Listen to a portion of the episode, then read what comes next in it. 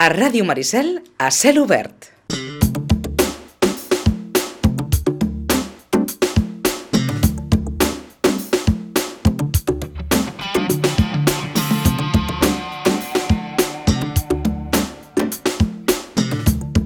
Ai, carai, de cultura musical. Què tal? Bé, doncs aquí estem per explicar què ha passat esportivament parlant el cap de setmana. Eh? A partir de la setmana que ve, a partir del dia 13, i com que la programació encara es veu condicionada per, per tot aquest drama de, de la Covid, tindran els esports tots els dilluns. 19, 19. Sí, sí. I a partir del dia 13 començarem la programació d'hivern i Ah. eh, tots els dilluns d'11 a 12 Mm. tindran els esports amb en, amb en Pitu i amb en Toni, perquè aquí dins de l'estudi només podem tenir dues persones. Per tant, ara hi ha en Pitu i jo, com abans hi ha hagut en Joan i jo, i després tornarà a ser-hi en Joan i jo. Canvi de cadires i canvi de micros, tot, tot això que hem anat aprenent i que ha fet que la programació no pugui ser com, com voldríem. No, no podrem tenir les tertúlies de sempre, no podem, no podem fer allò que fèiem, però intentarem, a la mesura del possible, que sobretot estiguin informats. Per tant, els dilluns, entre les 11 i les 12, a la tarda també es repetirà la informació esportiva del cap de setmana. Per tant, aquí la tenim en, millor amb comptagotes perquè, sí. perquè van tornant les coses a poc a poc, Pito. Deixa'm afegir, Vicenç, que de la mateixa manera que els dilluns tindrem el temps de descompte, els divendres també en la mateixa franja doncs, L'agenda esportiva, farem eh? la prèvia del, del, del cap de setmana. Eh? Doncs ja ha començat la Lliga de Futbol i ha començat amb, amb dos empats per als equips de la Unió Esportiva Sitges. S'estava intentant recordar comparant amb la, amb la temporada passada. El Sitges, el primer equip, eh, va començar també empatant a una aigua dolç, aleshores ho va fer amb el Sant Cugat, un equip que va acabar pujant a primera catalana, però la diferència és que el segon equip, el Sitges B, eh, la temporada passada va començar guanyant. En aquest cas va empatar eh, fora de casa, cosa que tampoc és un mal resultat. Però el que anàvem, ha començat ja la Lliga de, de, de Futbol. Et anava a preguntar, Sí. qui vulgui anar al camp, hi ha algun protocol establert? Eh, Va- Vas veure públic, molt de públic, poc públic? Sí, no, un públic déu nhi hi havia, hi havia força públic, el que passa és una miqueta el que explicàvem la setmana passada. Eh, no són camps que s'acostumen a omplir. mm, Això allò- ja per defecte, eh? Sí, sí, sí. El que, si tu vols anar a Aiguadols, per exemple, a veure un partit del Sitges, el que sí has de fer és eh, entrar a la pàgina web de, de, de, del Sitges i omplir un formulari. I aleshores, quan tu arribes a la porta, Sí. eh, hi ha, en aquest cas, ahir hi havia una, una, una senyora que, que, que et prenia la temperatura i ella et comentava o et preguntava si t'havies apuntat per, per poder assistir al... Suposo que- És com una mena d'inscripció. Per, per cada partit, eh? Sí, sí, sí. sí, sí. És a dir, per cada partit, qui tingui interès en anar a veure partit dels Sitges, no sé si els de l'hoquei fan el mateix, els dels bàsquet fan el mateix. Mm, No, no, no ho sé. ja ens ho aniràs Sí, sí, explicant. sí, no, ara Qualsevol mateix- cas, a Aiguadols, per això mi, funciona per, així. per mi també és una novetat, eh? Vull Ja, dir ja, ja. em vaig anar acostumant. Sí, sí. Eh, per exemple, l'altre dia el, el, volien anar a veure el, un amistós del, del bàsquet Sitges eh, i em van dir que havia de trucar amb, amb, amb, el, amb el delegat de l'equip per- perquè ell t'apunta, a vegades unes coses una miqueta així, a poc a poc ho anirem, ho anirem posant a, al lloc. De moment, però, Aiguadols, Aiguadols s'entra d'aquesta manera, que Sí. Aiguadols tampoc no hi ha problema, perquè, és clar l'aire allà, Sí. diguem-ne que allunya qualsevol I- i- possibilitat de virus, eh? I, I la distància es pot respectar bastant bé. I la mascareta s'ha de portar, Evidentment, però... evidentment, Joder, Estaves bé de temperatura? Vas preguntar? Sí, sí, sí, em van deixar entrar, per tant. No bé, perquè la parròquia per Santa Tecla estava 36-3. Vaig dir, mira, deixa'm preguntar, perquè t'enfocaven la pistola i dius, pregunta. Sí. Sí, 36-3, que no sé si és baix o, o normal. Sí. Bé, una temperatura normal, però algú normal. Mm. Entra la parròquia, vinga, vinga. I, i llavors preguntes, mira, per curiositat, com si prenguessin la pressió, dius, escolta, quan estic? Però com que al final ens ho prendran tot, mm. doncs, bé, estaves bé, et van deixar entrar, Sí, sí, cap vas problema. veure un bon partit, Vaig veure un bon partit eh, dels Sitges, sobretot en els 20 primers minuts. De fet, el partit no va no podia començar millor per als Sitges perquè als 30 segons arribava el, el, el 1-0, un gol que feia Òscar Hernando, un gol típic, com es diu en aquests casos, de- de- d'oportunisme. El Sitges va tenir, eh, com es diu, una bona posada en escena, però mm, a partir del minut eh, 20-25 eh, un coincideix, coincideix també amb la lesió del, del Sacris, un jugador del, del mig del camp, L'equip perd el control del mig del camp, el Moja fa un pas endavant, comença a apretar, comença a pressionar més amunt, eh, tot i que no acaba marcant a la primera part, perquè la primera part acaba amb aquest 1-0, amb aquest gol de l'Òscar Hernando, i a la segona part, ja al minut 56, el Moja avisa envia una, una pilota al pal i al minut següent, al 57, aconsegueix empatar gràcies a un gol d'Oriol Gallego. Mm, no es veu la millor versió dels Sitges a la segona part. De fet, eh, l'equip potser eh, es va accedir massa en la, en la passada llarga, però sabies que en qualsevol moment podia arribar al gol dels Sitges, tot i que, repeteixo, no estava jugant bé i que la sensació és que el partit, el control del partit el tenia més el Moja que no pas el, el Sitges. Els minuts finals, una mica embolicats també amb un arbitratge que no va agradar massa a la gent dels Sitges. L'equip, per cert, va haver de jugar els últims 8 minuts amb un home menys per l'expulsió de Marc Cols, que va veure dues targetes grogues. No és el millor inici, perquè evidentment no suma els 3 punts, però això, com deia el Manel, en acabar, no ha fet més que, que començar. Com et recordava ara fa uns moments, la temporada passada també es va començar empatant a casa, 1 a 1 amb el Sant Cugat, i si et sembla, escoltem les declaracions de Manel Rodríguez després d'acabar el partit. Bueno, partit típic de principi de temporada, jo penso que un bon rival, avui jo penso que l'exigència era, era alta, perquè penso que el Mou ja té bon equip, hem començat molt bé, hem tingut el segon, el tercer, però no hem fet ningú dels dos. Hem, hem tingut ocasions clares avui per acabar marcant algun gol més i no ho hem fet. I jo penso que ells han tingut una al pal i el gol, i mira, i ha tingut la sort que el rebull li ha caigut també, i, bueno, i després penso que l'arbitratge ens ha condicionat molt, la sensació que he tingut jo, tot i que no és excusa, però ens ha condicionat molt i bueno, el partit ha acabat 1 a 1 i, i, bueno, i jo no estic descontent del partit, tenint en compte que em faltava molta gent pues, hem fet tot el que hem pogut, eh, no hem pogut refrescar gaire l'equip i això també al final ho hem notat una mica però bueno, és futbol i ja se sap que avui ens passa a nosaltres, demà li passarà a un altre i ja està. L'equip va començar molt bé, de fet, cada cop que creuava els tres quarts de camp, creava perill. Eh, a partir del minut 25, més o menys, no sé, la sensació és que l'equip potser ha perdut una mica al mig del camp i... i... Bueno, ells s'han donat compte que ens tenien que apretar més a dalt i han arriscat molt. La veritat és que deixàvem molta, molt espai a l'esquena i, i, i bueno, no aprofitat nosaltres. Penso que era un caramelo per nosaltres amb la velocitat de l'Òscar i, del, i, del, i del Marc i ells s'han arriscat, han apretat i els ha sortit bé. Mm, no hem estat encertats en les 3 o 4 que hem tingut clares d'agafar l'esquena per acabar el partit. Eh, jo penso que si fem el segon o el tercer els hi cau una golejada avui, perquè ells estaven molt, molt, molt, endavant, molt avançats i han de molt espai per darrere. El que passa és que no l'hem encertat, això ens ha generat dubtes a l'altre de la pilota i al final hem abusat massa de tirar la pilota llarga i això ja tampoc ens va bé. I hem entrat una mica en una dinàmica que el partit estava eh, box to box, no, no hi havia un, un dominador clar. I potser quan ens hem quedat amb un menys és quan hem tingut dues o tres opcions encara per acabar de guanyar el partit, ells s'han vingut enrere i, i haguessin pogut fer algun gol perquè Carlitos ha tingut dos o tres amenaces molt bones. Però ja dic, no, no ha pogut ser, jo penso que ha pitat un parell de fores de joc que tinc molts dubtes, sobretot un molt clar que se n'anava sol però ja et dic, no, no, no, hem pogut, no hem pogut aprofitar l'espai que ens han deixat, que no ha sigut poc, eh? Vull dir, en unes altres circumstàncies. També César s'ha trobat molt, amb molt espai en un moment determinat del partit i ell estava mort i, i no tenia ningú per ficar allà, el Didac o, un jugador fresc per, per entrar per allà que hagués fet molta mal. Fins a quin punt condiciona la baixa del Sacris? Pues em condiciona bastant, perquè al mig no vaig sobrat d'efectius. Eh, de fet, al mig del camp tinc Álvaro, tinc eh, César, tinc Geri, Sacris i Didac. Llavors, pues, bueno, ara intentar recuperar jugadors que tinguem, però també avui ha sigut baixa Didac i això també és un jugador important. Eh, Fèlix, eh, clar, eh, Narejos que no eh, Víctor Morillas, jugador clau.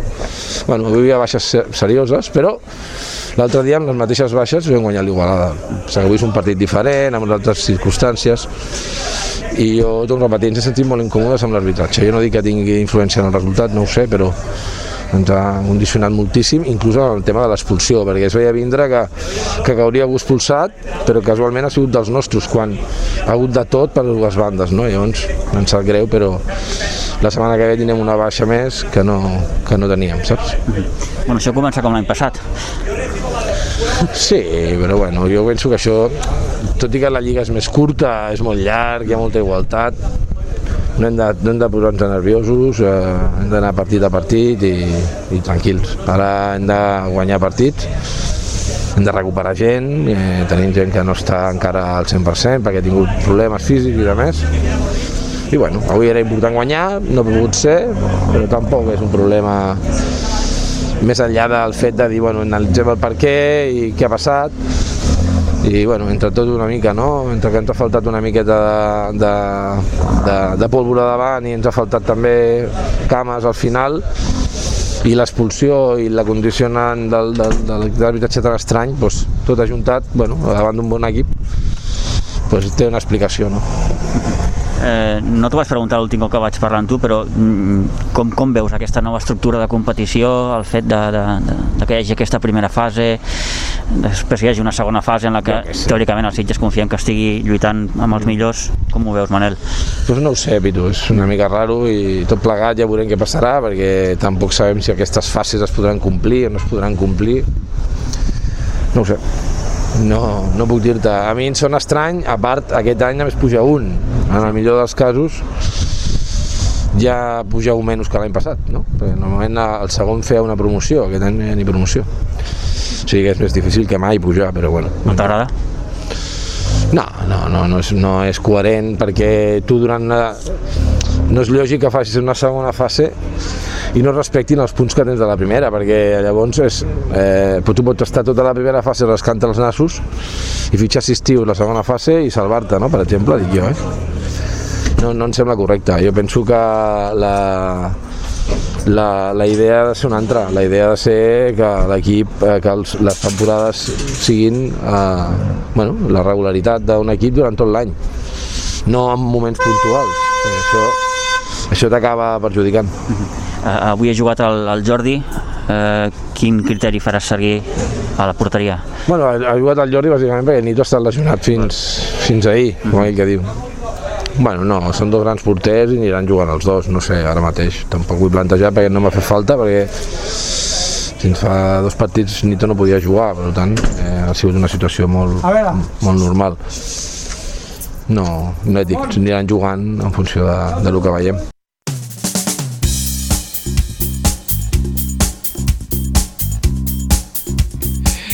Deixi'm fer la pregunta que vostès estan fent a casa. Que estàveu al mig del carrer? No, estàvem a, a, re, a la zona de vestidors, però sí, estàs a l'exterior. Escolta'm, No, no, i al clar, al costat ja tens els... els és que de- de- aquell claxon algú estava a punt de matar-se allà, eh? O, o, Man, el Manel es va quedar allà... Què, què mirant. passa? Què Sí, passa? Sí, sí, sí, sí. Què passa? Bé, Bé, mm, no, no, no s'ho veu massa refiat en Manel d'algunes de les característiques especials Sí, que, que, que, que aquest any la competició, sí, sí, aquesta primera fase amb, amb menys equips, eh, si vols lluitar per pujar hauràs de quedar dels tres primers, eh, si no hauràs de jugar una segona fase per, per mantenir-te. Entenem que el Sitges eh, jugarà la segona fase per, per lluitar pel títol, però clar, aquí hauràs d'estar molt, molt afinat, perquè si poc has de fallar en aquesta primera fase, menys encara hauràs de fallar a la segona, perquè només, com recordava el propi Manel Rodríguez, en pujarà un. Si és just o no, mm, una miqueta el que explicava el Manel, no? Clar, les lligues són això, eh, la regularitat, i en aquest cas mm, potser et premiarà el fet que estiguis en un bon moment, eh, allò en un moment també molt puntual de la temporada, no? I, i no es premiarà tant el fet que hagis tingut una bona, una bona cursa al llarg de les, de les jornades. Però bé, eh, com a mínim el que desitgem és que el Sitges pugui estar lluitant amb els millors i que la temporada no tingui alts i baixos, en el sentit que la federació es vegi obligada a suspendre algunes jornades per la qüestió de la Covid. Si la competició mm, va funcionant més o menys i tothom va podent fer Ja. les coses que es poden fer a dia d'avui, Ja ens serà molt, eh? Ja serà molt, eh? i això ja, ja ens agradarà. Bé, doncs hem començat amb aquest empat a un del, del Sitges, un Sitges que, com recordava el Manel, tenia baixes, eh? baixes eh, importants, sobretot al mig del camp, gent com el Didac, el Víctor Morillas o el Martí Ferret, el, el mateix Nito a la porteria tampoc va poder jugar, Fèlix Casalot, en fi, que el Manel tenia problemes sobretot en aquesta zona de creació de l'equip. Eh, recordar que el proper partit del Sitges serà dissabte que ve al camp de l'Olivella, jugarà a partir de les 4 de la tarda. Aquesta primera jornada, per exemple, ens deixa les derrotes del Cubelles, 2 a 1, al camp de l'Atlètic Prat Delta, i la de l'Olivella, el proper rival del Sitges, que va perdre també per la mínima 2 a 1 al camp del Gornal.